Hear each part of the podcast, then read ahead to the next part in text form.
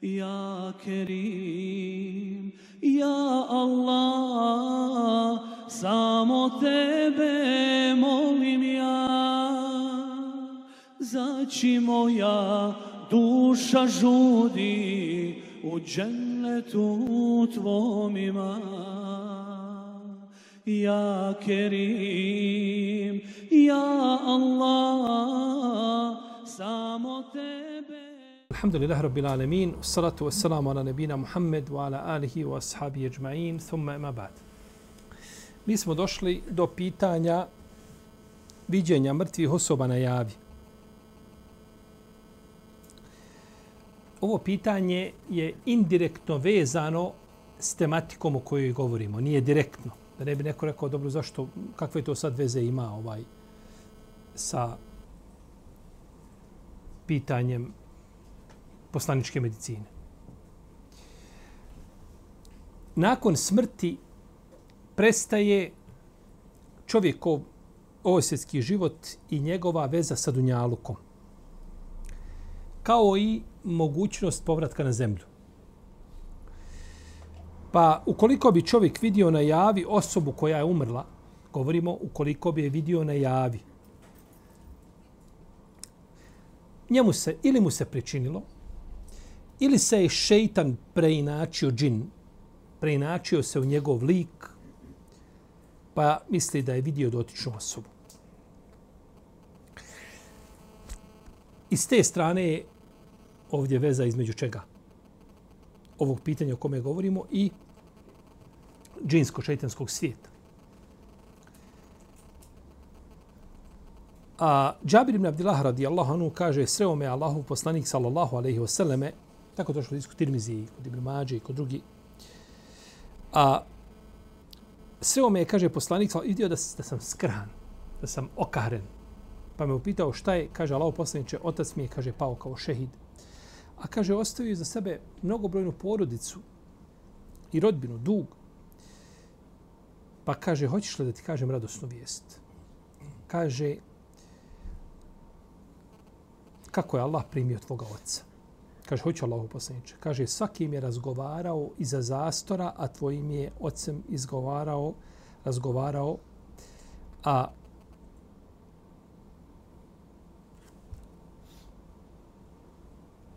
a, izravno, direktno, bez zastora. I rekao, poželi šta želi, šta hoćeš. Pa je rekao, kaže, gospodaru moj, kaže, proživi me, kaže, da se ponovo borim, pa da poginem ko šehid na tvojom putu. Pa uzvišen je Allah rekao, ranije, kaže, od mene prethodila odredba da se niko na Dunjalu neće vratiti više. Ko umre, niko se više neće vratiti na ovaj Dunjaluk. Doće Isa, ali sa. Jer on umro. Znači, kada umre čovjek, neće se više vratiti na Dunjaluk, osim ako imamo za to dokaz da je neko umro pa se vratio. Kao što Isa Ali Srmo šta? Mrtve. To ima dokaz. To je van tog pravila. Jer svako pravilo ima svoje izuzetke. Tako. Svako pravilo ima svoje izuzetke. Ili uglavnom većina pravila ima nekakve izuzetke. U protivnom, kaže moja odredba je da se neće niko na Dunjaluk vratiti. I tim podom je objavljeno ajet, nikako ne smatraju mrtvem one koji su na Allahom putu poginuli, oni su živi. U obilju kod gospodara svoga, oni su jeli kod gospodara svoga obskrbljeni. Imamo pojedine skupine koje smatraju da postoji mogućnost viđenja poslanika sallallahu alejhi ve selleme nakon njegove smrti. Što je pogrešno mišljenje. Ja neću kazati slabo. Jer je razlika između slabo i pogrešno.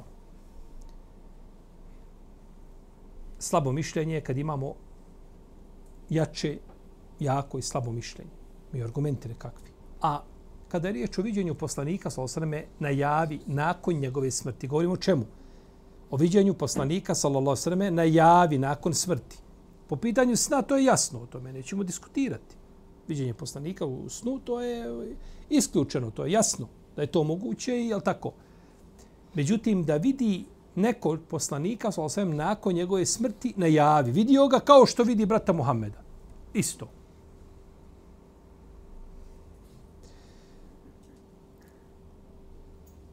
Imamo ovaj znači to mišljenje kod u nekim krugovima i oni kažu šeitan se ne može preobraziti pri u lik poslanika kako je došlo vezano za, za san, jeli? Pa kažu ko je vidio poslanika sa osaname najavi ne može se šeitan prinašati njegov lik. I mi znamo da je Ebu Jezid el Fasi usnio poslanika sa osaname pa ispričao Ibn Abbas. Pa kaže opisi, opiši mi ga. Pa kada mu ga je opisao, kaže da si ga najavi vidio ne bi ga mogao bolje opisati. Znači odgovarao je savršeno čemu? Opisima koje, je li tako, Ibn Abbas zna poslanika sa osaname i on je od Ehlul Bejta. Opišio kada je opisao, kaže to je to. Sahabi su znali koliko je poslanik bijeli dlaka obradimo. Da ne kažemo drugi nekakav izgled, jel, kakav je, jel, nešto od njegovih opisa, sallallahu alaihi sallam. Navodi se da je Sejid Ahmed bin Abdulaziz al-Magribi često se sastajao sa poslanikom, sallallahu alaihi na javi. Na javi. Pa jednom prilike razbolio se, pa je upitao poslanika, sallallahu alaihi vseleme, o konzumiranju duhana. Pa mu poslanik u prvo vrijeme nije odgovorio, potom je rekao da ga konzumira. Može. Ala bereketillah, može proći.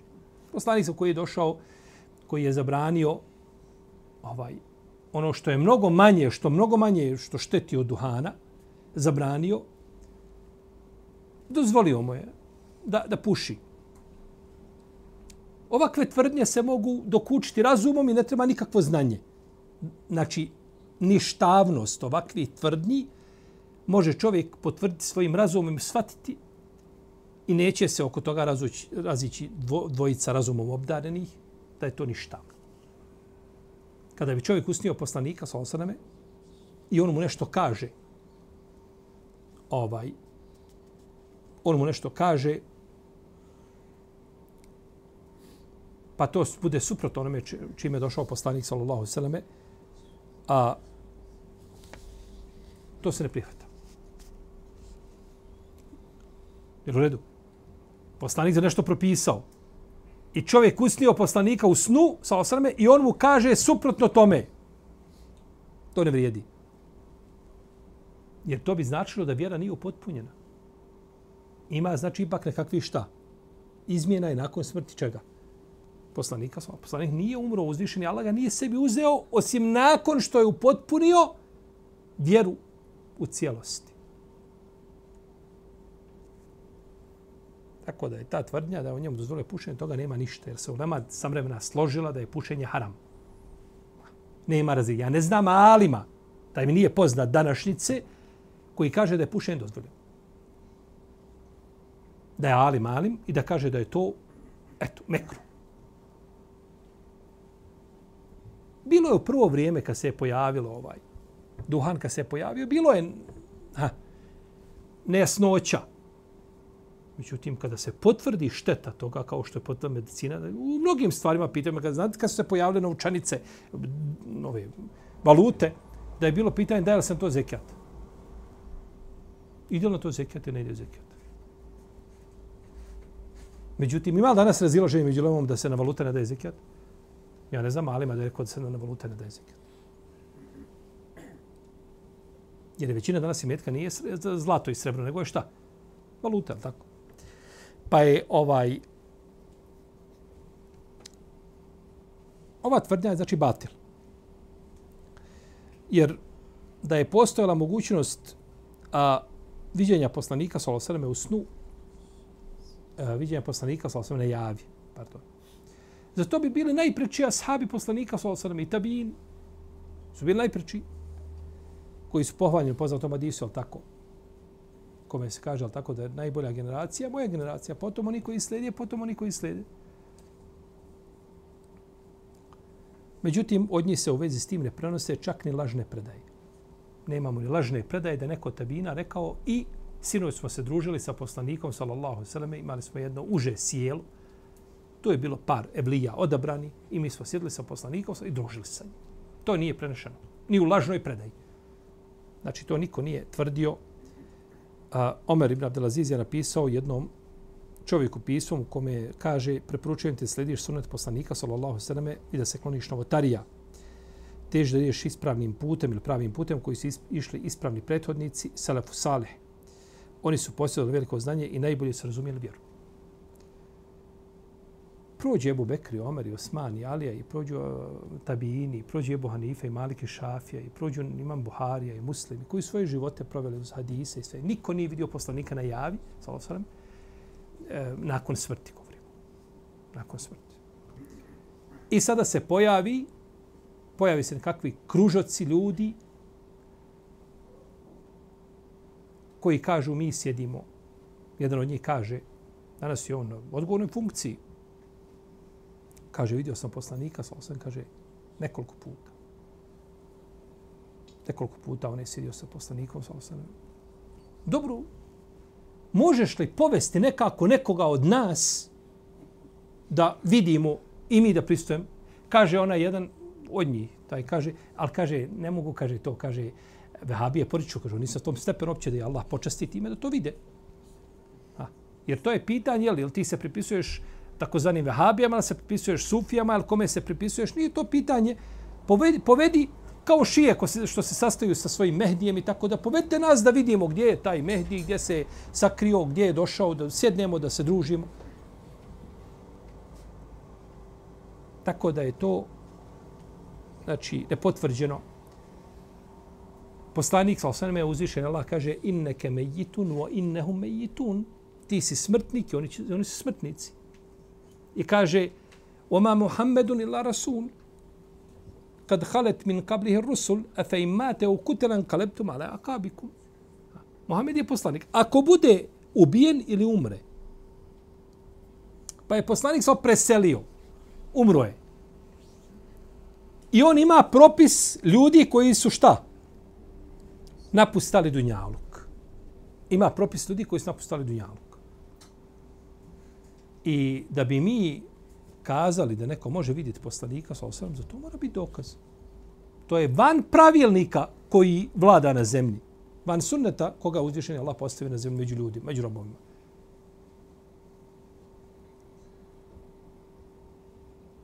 Kaže, jeste li, kaže poslanik, kaže uzvišen Allah, kaže, vama je srnak ila rahmetan ila alemin.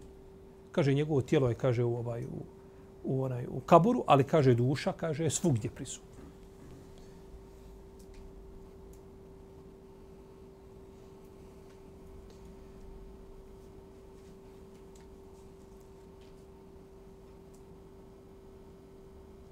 nema dokaza znači da je moguće vidjeti poslanika sa osrame, to je, to, je, to je neispravno da ga je moguće vidjeti u stvarnosti, najavi nakon njegove smrti. I sve tvrdnje koje iznose se u vezi s tim su pogrešne. Jedan učenjaka je napisao knjigu, ja ne ispominjati ko je. Nemate potrebe, to, to vam ne treba pisao knjigu razvoj Tenuirul Halek fi ru'ijeti mm, Nebijul Melek, tako nekako. Potvrdio da su tome može. I on čak sa sebe kaže da vidio 70 puta da je vidio poslanika na javi. To je neispravno. Da to nije učenjak, jedan rekao koji je učenjak, ima svoje mjesto. Ja bih rekao da je to batil. Međutim, na nama je da lijepo se obhodimo prema ulemom i njihovim ičtihadima, iako bili pogrešni. da nešto prođe najvećoj ulemi kroz generacije i nakon toga nekakvi tamo je vlije, on za sebe tvrdi da je vlija, kakav je kod Allaha, Allah zna. Otko znaš da se vlije? Ti znaš da se vlije. Evlija je Buharija. Ima Mahmed, Šafija, Mali. To se vlije, bolan. Ulema se, umet se složio da se vlije. Da su to dobri Allahovi robovi, učenjaci, predvodnici umeta. I niko od njih nikad nije vidio, nikad se nije sastao sa poslanikom sa osaleme.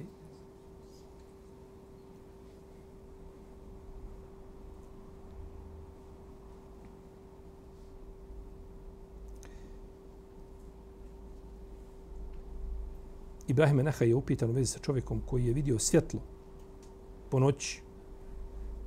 Kaže, to je o šetana. Da je tome, kaže, bilo kakvo dobro, kaže, učesnici bedra bi bili preči da ga vide. Ti sjediš, tebi se nekakve gore, ovaj, svjetlo se nekako spusta sa neba. Gdje su Ebu Bekri, Omer i Osmani, Alija? Gdje su učesnici bedra? Gdje su eh, uh, muđahidi, Katada i uh, Ibn Musejib i ostali? Gdje su sedmerica fakiha medinski? Gdje, gdje je ta ulema? Šta je s njima bilo? On nikakva svjetla nisu vidjeli sa, s neba. Pa izlaziti van ti okvira i, i loviti u mutnom i zabaviti se nečim čime se nije, nisu ne velikani zabavili, to je skretanje sa sađade. Ušao si u Minsko polje, Allah zna kakav ćeš izaći, ako izađeš.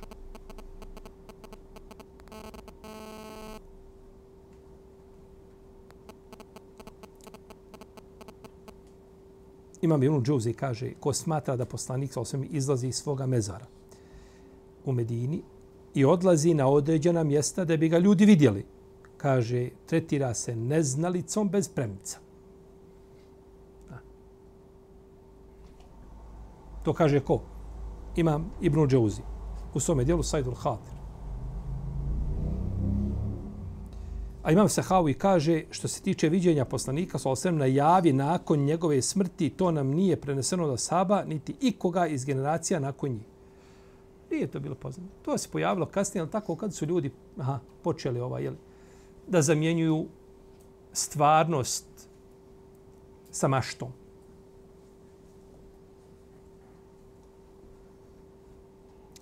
Šehe Ibn Baz kaže nije moguće vidjeti poslanika sa osvijem na javi nakon njegove smrti, iako neke sufijske neznalice smatraju da je to moguće da poslanik sa osvijem prisutuje ima vludima.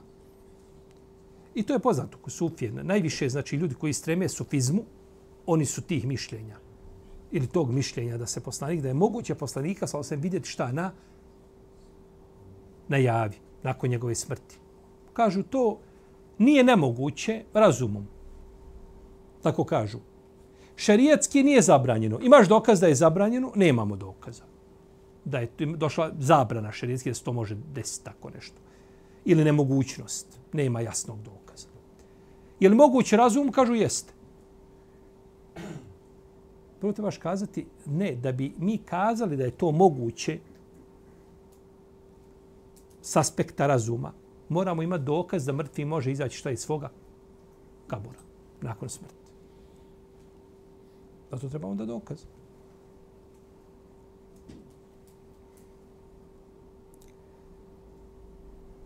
Kaže Dali Ibn Baz, kaže to je kobna greška i šetansko obmanjivanje koje se kosi sa Kur'anom, sunnetom i konsensusom učenjaka. Jer mrtvi će izlazi svojih mezara kada nastupi sudnji dan, a ne prije toga. Jarok. I lijepi riječi. Nakon kad uzviše, kad se puhne u rog, zna se kad će ljudi izlaziti, kada će se dizati ovaj, da će izlaz kao raspršeni, rastoreni skakavci, izlazi svoj kabur, a to je vrijeme proživljenja. Neće prije toga.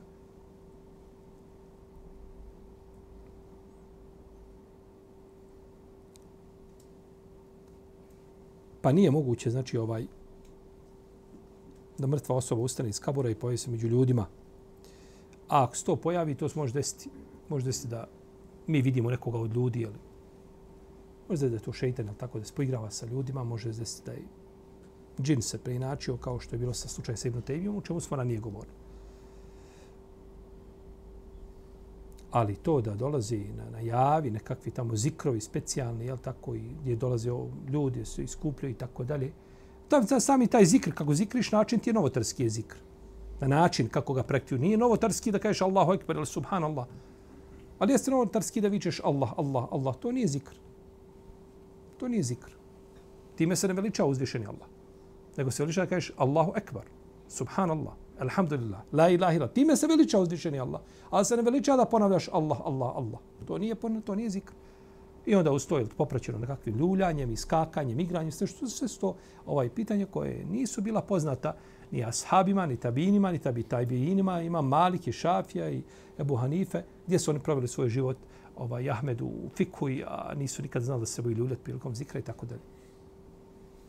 To sve neispravni postupci i ja ne mogu, moj razum ne može pojmiti da može u takve halke doći poslanik i sjediti svojim tijelom, A nije došao kod imama Ahmeda gdje se govorilo kala Allah, kala Rasulullah. Imama Buharije koji je išao preko Dunjalu kada sakupi hadise i svoj život izlagao.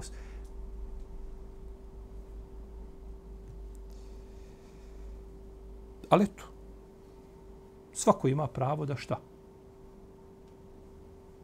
Da odluči kojim će putem krenuti. A najbolji put je put Selefa. I ko se njime zaputi, neće pogriješiti. Grešaka će biti. Ali je odabrao pravi put. U kome će on moći pogriješiti. Jel to je jasno? Razlika velika ti pogriješiš, a ti na pravom putu i da ti pogriješiš, a ti negdje u, stramputici. A što se tiče viđenja poslanika u snu, pa to je moguće u bilo, kome vre, u bilo koje vrijeme i to je moguće svakome. To se podvrgne hadisima, opis koga si vidio, šta si vidio, ali tako i ovaj, jel, a, ono što ti je rečeno u snu, opet se vraća nazad na šta na dokaze i to je to.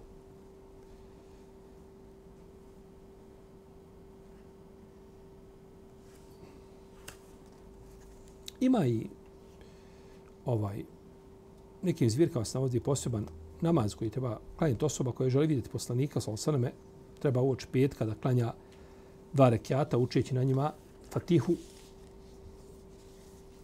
a, hiljadu puta. A, hiljad, fatihu i hiljadu puta surkul huvallahu ahad. To sam posebno ukazuje da je to hadis. Ovaj, to ništa bilježi imam tabarani, to ništa. Hiljadu puta Ja sam ja samo kažem, kako ćeš izbrojiti hiljadu puta da se uči Fatihu? Kod sulu kul Allah. Kako ćeš izbrojiti hiljadu puta? Ti bi tamo negdje od 200 i nekom broju ti bi zakovo više ne bi znao ni šta učiš, ni šta brojiš. Ni, pazite, hiljadu puta, znači ti moraš, kad trebaš da kaže zikr stotnu puta, koliko ste se puta za zabun? On 33 puta se zabuniš, pa koji je sad krug? Gdje sam? Hiljadu puta i to u namazu moraš brojati. Nije nas islam tome pučio. Nema zikra preko stotno puta. Nešto je došlo u šarijetu stotno puta. To je hiljadu puta da proučiš suru kul huvallahu ehad. Ovaj. Da ti uzme pola minute sura da fino proučiš polako. To je 500 minuta. Koliko je to sati? Fatiha. I da učiš hiljadu puta Nije to od prirode. To nije od prirode din islama. Tako. Pa je ovo predanje neispravno i spominje ga Ibn Džouzi u lažim hadisima.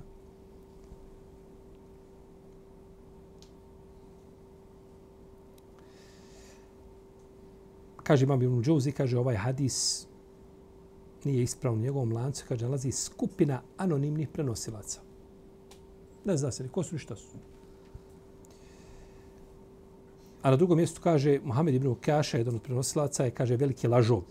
Slično tome kaže Zehebi. Lažov prenosi. Pa baš ti odgovara da takav hadis prenesiš. To baš tebi odgovara.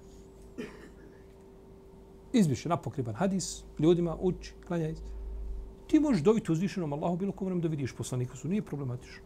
Ali da ima nekakav Može ponekad uzvišeni Allah da da ga vidi čovjek koji je ha, onako labilan u vjeri da vidi poslanika u snu. A onaj pravi mumin čvrsti da ga ne vidi. Tu nema pravilnika pro kome mi trebamo ići. Može dobiti uzvišenom Allah pa da te počesti. A možda ti je bolje da to ne vidiš. Jer bi se možda čovjek oholio. Možda bi sebi dao dimenziju, tako.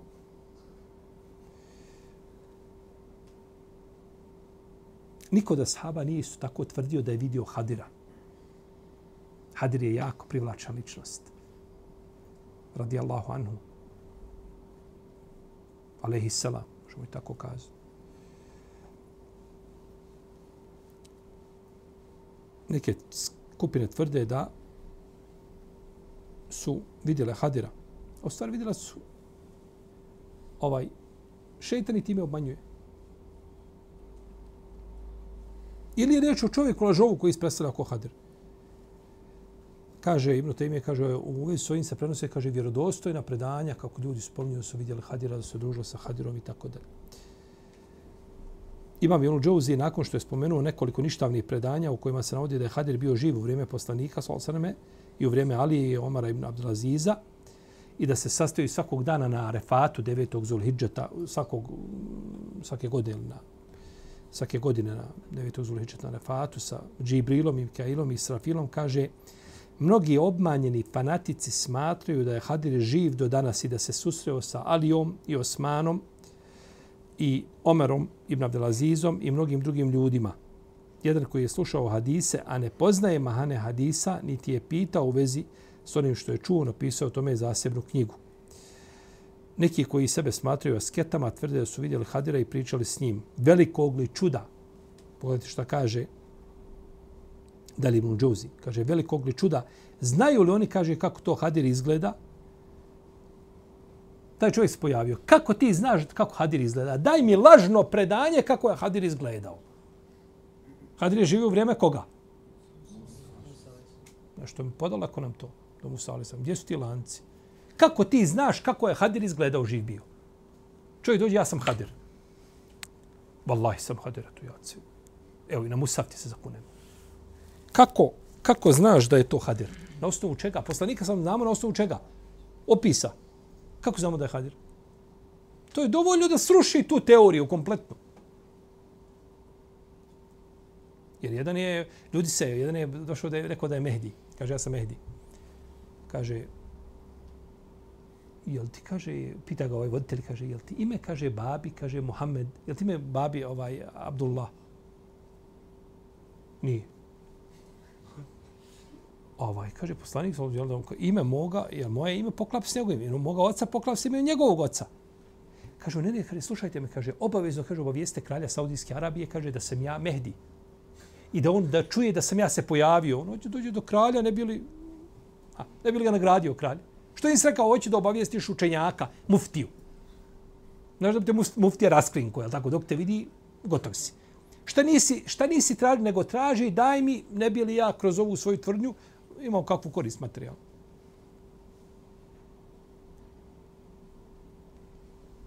Kako znaš da je da je to hadir? Kaže, velikog li čuda, znaju li kako to hadir izgleda, je li dozvoljeno, kaže, razumno čovjeku povjerovati u osobi koja za sebe tvrdi da je hadir. Znači, dok povjeruje, ti si trebaš ići gore na kliniku, je tako, da te pre, pregledaju. I u vezi da li je Hadir živ ili mrtav, islamski učinjaci kao Ibn Munadi al-Bagdadi, Abdul Magis al-Harbi, Ibn Taymi i drugi napisali zasebna djela. I šetan je sličan način obmanjivao neke kršćane u pogledu Isa Isala. Pa spominje da je neki, nego jednom kršćan došao šeitanu, svećeniku i rekao, kaže, ja sam Mesih, sin Merjemin, kaže, došao sam da, došao sam da tu putim pravi put kad nakon što on shvatio se radi o šeitanu, kaže, ti si nam, kaže, dostavio poslanicu i mi radimo, kaže, po njoj. Ako danas kažeš suprotno tome, nećemo, prihvat, nećemo prihvatovati tebe. Ti si nam dostavio poslanicu. Imamo je. To je to.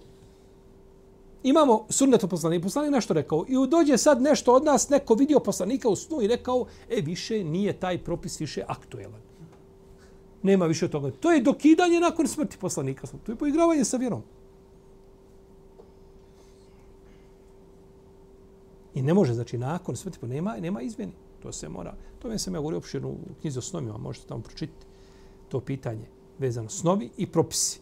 Uzimanja propisi snova i kakav je propis kada dođe u snu nešto da se vidi suprotno onome što je poslanik rekao na javi za vrijeme poslanstva. Za vrijeme života, bolje kazati.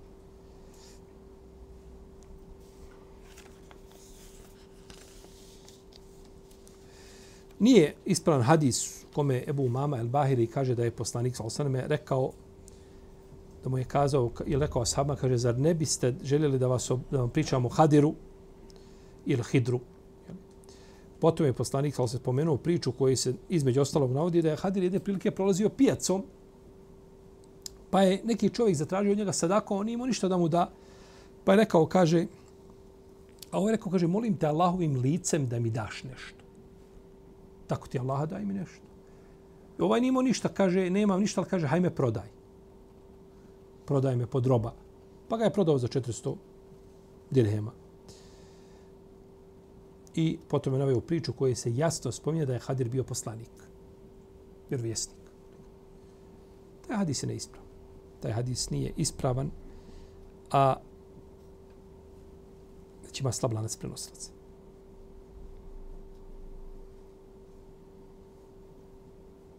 Kaže, prodaj mi. Naravno, ovaj, Hadir je bio kod većine učenjaka poslanik. Vjerovjesnik. Vjerovjesnik je bio Hadir, po, po mišljenju većine mu fesira. Pa to kažemo, mogli smo na, koje, na početku kazati šta? Aleyhisselam, je li tako? Ili sallallahu sallam. Jer spoljašnjost kuranskih ajeta ukazuje da je da je bio vjerovjesnik. Allah opet najbolje zna. Isto tako nije prihvatljiva priča u kojoj se ovdje da je Hadir poslamio imama Ahmeda preko njegovih poznanika. Što znači da mora šta? Da je moglo živ, bi, živ biti u vrijeme koga? Imam Ahmeda, je li tako? Kako bi znao za imam Ahmeda? Pa se ne može, znači to je šeitansko umanjivanje ljudi. Šeitansko. I šeitan kako prilazi ljudima sa strane mrtvi.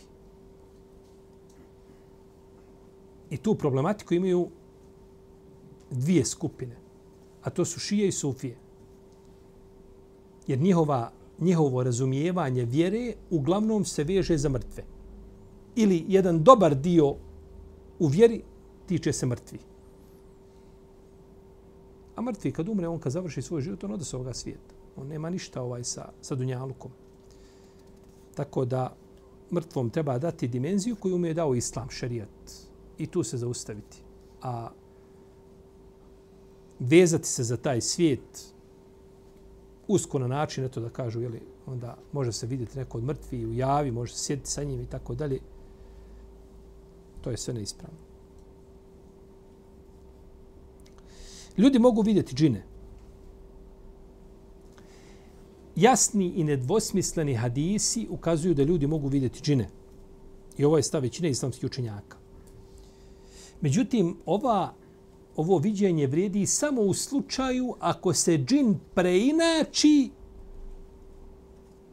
u ljudski oblik ili oblik živi bića. Ili materijalni oblik, bolje kazati. A, koje se preinaču u drvo, možeš opet vidjeti. Znači, mora biti materijalni oblik. Ali ne možeš ga vidjeti u njegovom osnovnom izgledu kako ga je uzvišenje Allah stvorio. Jer su oni stvoreni od čega? Plamenava i oni su nevidljiva bića po pitanju nas. Pa džine je moguće vidjeti samo znači kad se preinače u, u drugi oblik. Za razliku od onih koji kažu da se mogu vidjeti u njihovom pravom izgledu.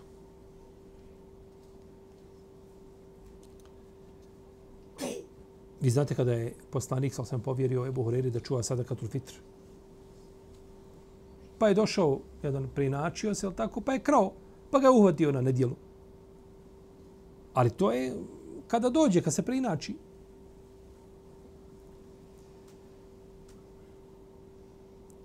Innehu jerakum huwa wa kabiluhu min haythu la tarawnahum.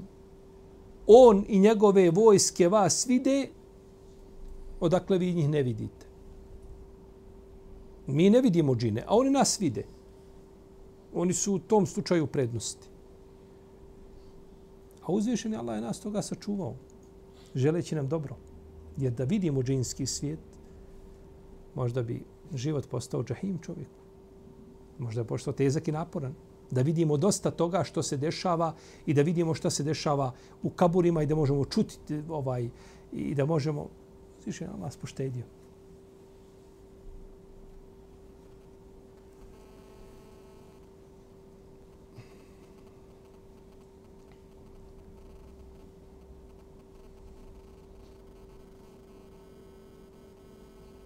Imam Šafija kaže ko ustvrdi da može vidjeti džina, nećemo prihvatiti njegovo svjedočenje. Jer uzvišen Allah kaže, on, oni vas vide, odakle vi njih ne vidite.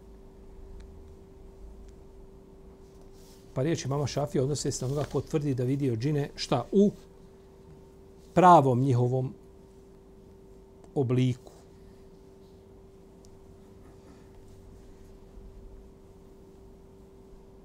Osim u jednom slučaju. Kom?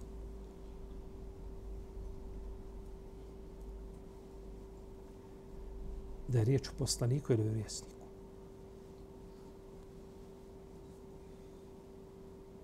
Poslanik je vidio Džibrila u njegovom šta pravom? Obliku. To je drugo nešto.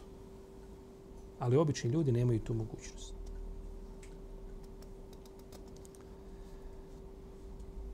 Imam Ibn Hazm, govoreći o džinima, kaže uzvišeni Allah nas je obavijestio da ih ne možemo vidjeti. Ko bude tvrdio da ih je vidio, on govori neistinu, osim ako je riječ o nekome od vjerovjesnika, što smatra mu džizom u pogledu njih.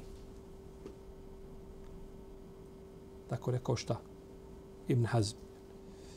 A kada je šeji Mohamed Rešid Reda, ako se melek ili džin preobrazi u materijalno tijelo, kao što je ljudsko ili neko drugo, ljudi ga mogu vidjeti. Međutim, ljudi ne mogu vidjeti ni meleke, ni džinu u njihovom stvarnom liku kojem je stvar. Aj, to je suština svega ovo što smo govorili. Mogu ljudi, mogu ljudi vidjeti meleka ako se preinači. Pa zili se sahabi vidjeli Džibrila kada je došao pa posle o pitanje. Došao u bijeloj odjeći, ne vidi se na njemu tragovi puta. Pojavio se čovjek, bijela odjeća, a čista, nema nikakvih tragova puta. U hadisu Džibrila kod Buhari kod muslima. A u rivajetu kod Ibnu Hibana se kaže sa crnom bradom. Došao Melek Džibril, šta? U bijeloj odjeći sa crnom bradom. Kad se preinačio Melek u lik čovjeka preinačio se onako kako treba čovjek šta da, da izgleda. Nikoga ne zna. I ode, kud se zaputi, kud ode? Pa je onda poslanik kaže, to je došao je da vas pouči vaše vjeri. Kad se preinači, ali ne može ga u stvarnom liku vidjeti.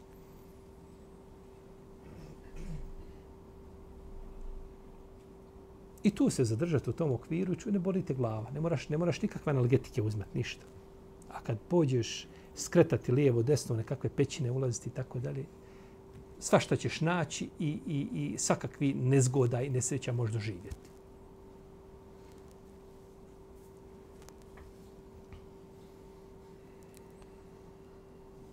Postoji mogućnost da određene životinje vide šeitana. Ebu Hurira prenosi da je poslanik sam rekao, kada čujete kukurikanje pjetla, tražite od Allaha, od Allahove dobrote, on je ugledao meleka. A kada čujete revanje magarca, tražite utočište kod Allaha od prokletog šeitana, on je vidio šeitana. Pa životinja može. Ljudi ga ne vide, ali ga vide ko? Životinja. To je što kod Buhari i kod muslima. A u hadisu Džabira kaže se kada noć čujete lavež psa i revanje magarca, tražite utočište od Allaha jer oni su vidjeli ono što vi ne vidite. To je došlo kod Ebu Dauda se vjerodostojim lancem. Znači, imaju životinje, imaju, to je došlo, tako je došlo u sunetu i kako je došlo, tako, tako se prihvati i ne izlazi se van tog okvira. Džini su duže prihvata Allahu poslanicu. Među islamskim učinjacima nema razilaženja u pogledu toga da je poslanik sallallahu alaihi wasallame vjerovjesnik ljudima i džinima. Da vjeruje se šta? poslan ljudima i džinima. I to je došlo u mutevatir hadisima. Šehul Islam ibn Abdelber kaže učenjaci se ne razilaze u pogledu toga da je vjerovjesnik sallallahu alaihi poslan i ljudima i džinima da opominje i donosi radosne vijesti. A Imam bin Kajim kaže muslimani su jedinstveni u mišljenju da je Muhammed sallallahu poslani poslan ljudima i džinima.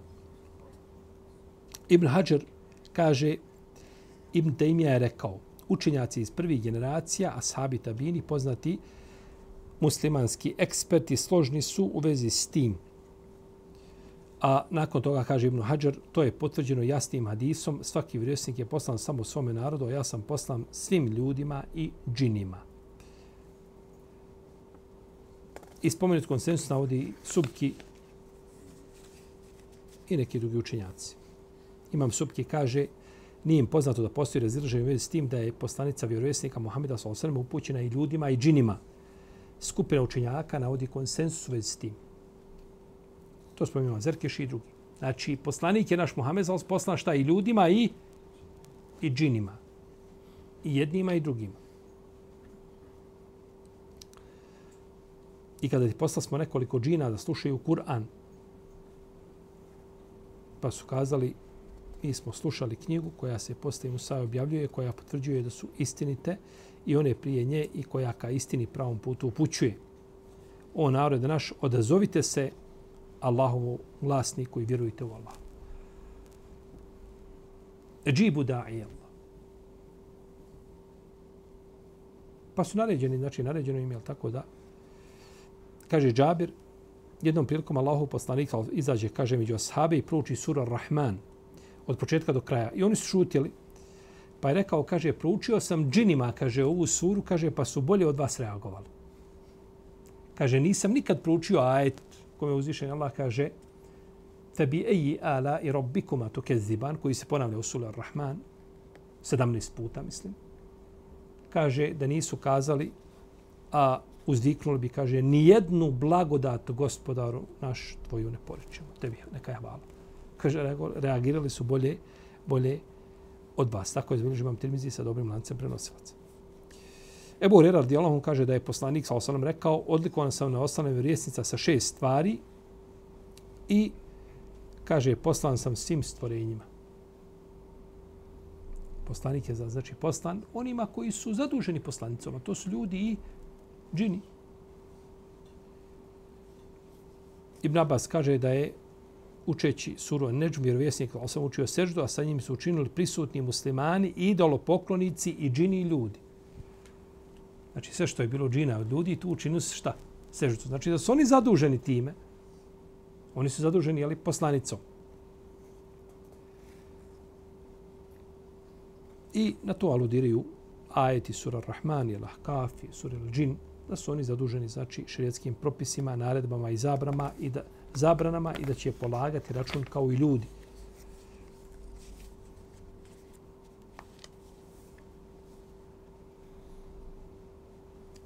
iako su džini zaduženi šerijatskim propisima,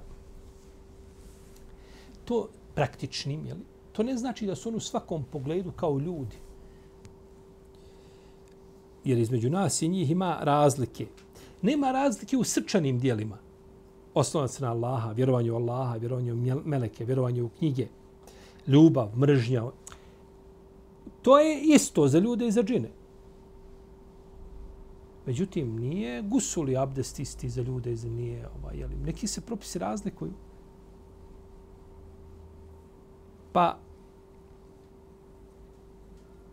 u pogledu džina su propisi onako kako odgovore njihovoj fizionomiji i načinu života.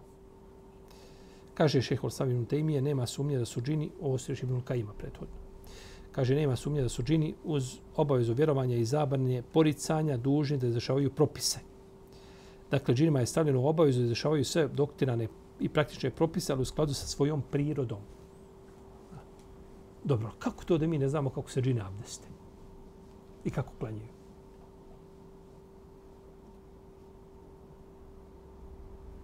To nema veze sa nama nikakve. Mi smo ljudi. To je drugi svijet. I zato između ljudi i džina je šta? Ma crta. Između ta dva svijeta i miješanje toga pravi probleme.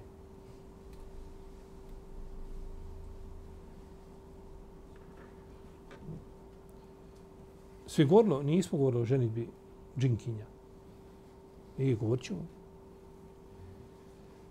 Kad mu je oženi demonku, šta se dešava? Ili džin oženi Fatimu? Vidjet ćemo, doćemo do toga, pričat ćemo o tom. Pitanje ženitbe i miješanje. Ja, kako, je, kako se je fino držati okvira koje je postavio Kur'an i Sunnet. I praksa prvi generacije. To je spas. Sve je izlazak mimo toga i avantura, Allah zna što će biti s tobom. A najčešće se ljudi ne vrate zdravi. Onako kako su bili kada su izlazili.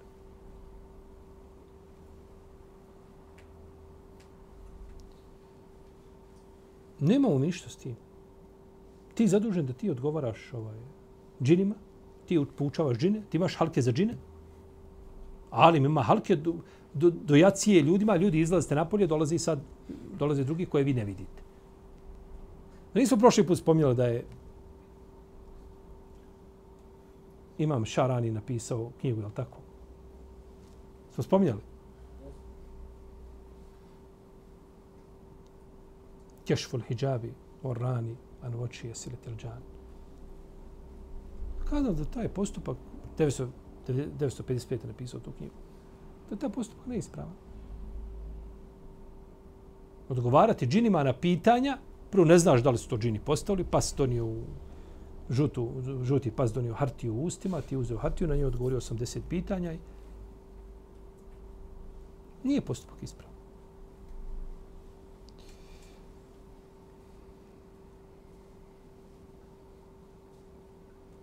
Tako da mi ne ništa sa... Ne moramo znati kako se džine... Ti moraš da bio znati kako se ti gusuliš, kako se abdestiš. To za džine, nemaš sa tim ništa. Imam Zerkeži kaže, džini su u globalu dužni da izvršavaju šarijetske propise. Učenjaci iz potonjih generacija razilaze se u vezi s tim da li su džini zaduženi praktičnim dijelom šerijata. Neki učenjaci tvrde da su džini u globalu zaduženi izvršavanjem praktičnih propisa, ali ne na način kojim su ljudi zaduženi, budući da se uveliko razlikuju od njih. Imaju zaduženje, jer naredbe u Kur'anu obavljajte namaz i dajte zekijat, vežu se i za jedne i za druge. Međutim, kako i šta, mi nismo zaduženi s tim. Nisu ashabi ispitivali posle, Allah poslanik dobro, ali kako džini abdeste? U džini se mnogo spominju u Kur'anu. Allah poslanik priča nam o džinima.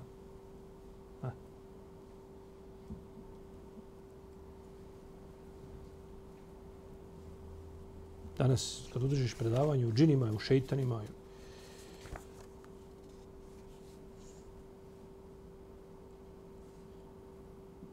to je gledano, posjećeno. Kad čitaš hadis iz Buharije, komentar hadisa iz Buharije, tri lajka i jedno šerovanje. A kad čit, pričaš o džinima, o šeitanima, i to ako pričaš na pamet, naročito, ne pričaš po Kuranu i po sunnetu, možda ćete lako posjetiti ovi iz tamo YouTube-a ili, ili sa Facebooka da dođu da tu ruče poklon kakav. Kako stoliki broj pratitelja imao ili gledatelja i što tome.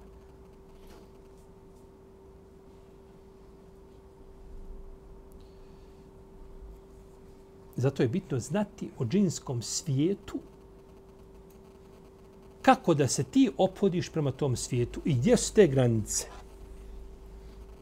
da ne izlaziš van tih granica. To je jako bitno znati.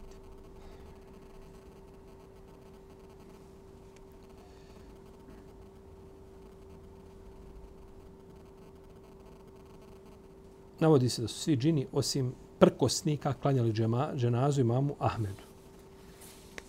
To se navodi odlikama imama Ahmeda. Da su svi džini došli šta i klanjali dženazu. Lijepo. Imam Ahmed je imam ummeta. A ko to može potvrditi da su mu svi džini klanjali dženazu? Kad bi neko rekao da je to malo mezhebski fanatizam, možda ne bi pogriješio. Je tako? Da ja potvrdim da su... Ti znaš da su imamo Ahmedu svi džini klanjali dženazu živio. Hajde, reci, kogod da si. Reci mi kako to znaš. Odgovorim na pitanje. Ili pretpostavljaš, pretpostavkama nikad kraja nema, ti ne smiješ u tom pogledu pretpostavljati ništa, nemaš ti sa tim ništa. Ili si čuo džina, onda svakako ne smijemo vjerovati jer surađuješ sa džinima i uzmaš od njih informacije i tako dalje. Kako znaš da su džini klanjali dženazu? Ja klanjali dženazu, imam Ahmed svi džini, ne klanjali, to ništa ne, ima Ahmed, ima Ahmed, ostaje, ima Mehul Sunnet od sudnjeg dana i to je naš prvak i naš predvodnik, ima Ahmed, do da spomeni ima Ahmed. Gdje god da se spomeni ima Ahmed, u svim krugovima je prihvaćen. Svako za imama Ahmeda kaže kapa do podaja. Imam Ahmed je, to je, u vezi s njim se ne diskutira. Pa nema potrebe, jel? Međutim, spominje se, jel? Spominje se tako da su mu džini došli i klanjali, jel? To se navodi. Međutim, jel, kažem, to je teško teško je to dokazati, jel, ovaj, ili kad bi rekli, nemoguće dokazati, ne bi pogriješio.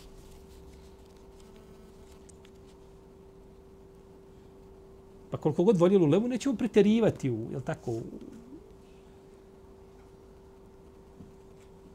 u, pitanjima odlika.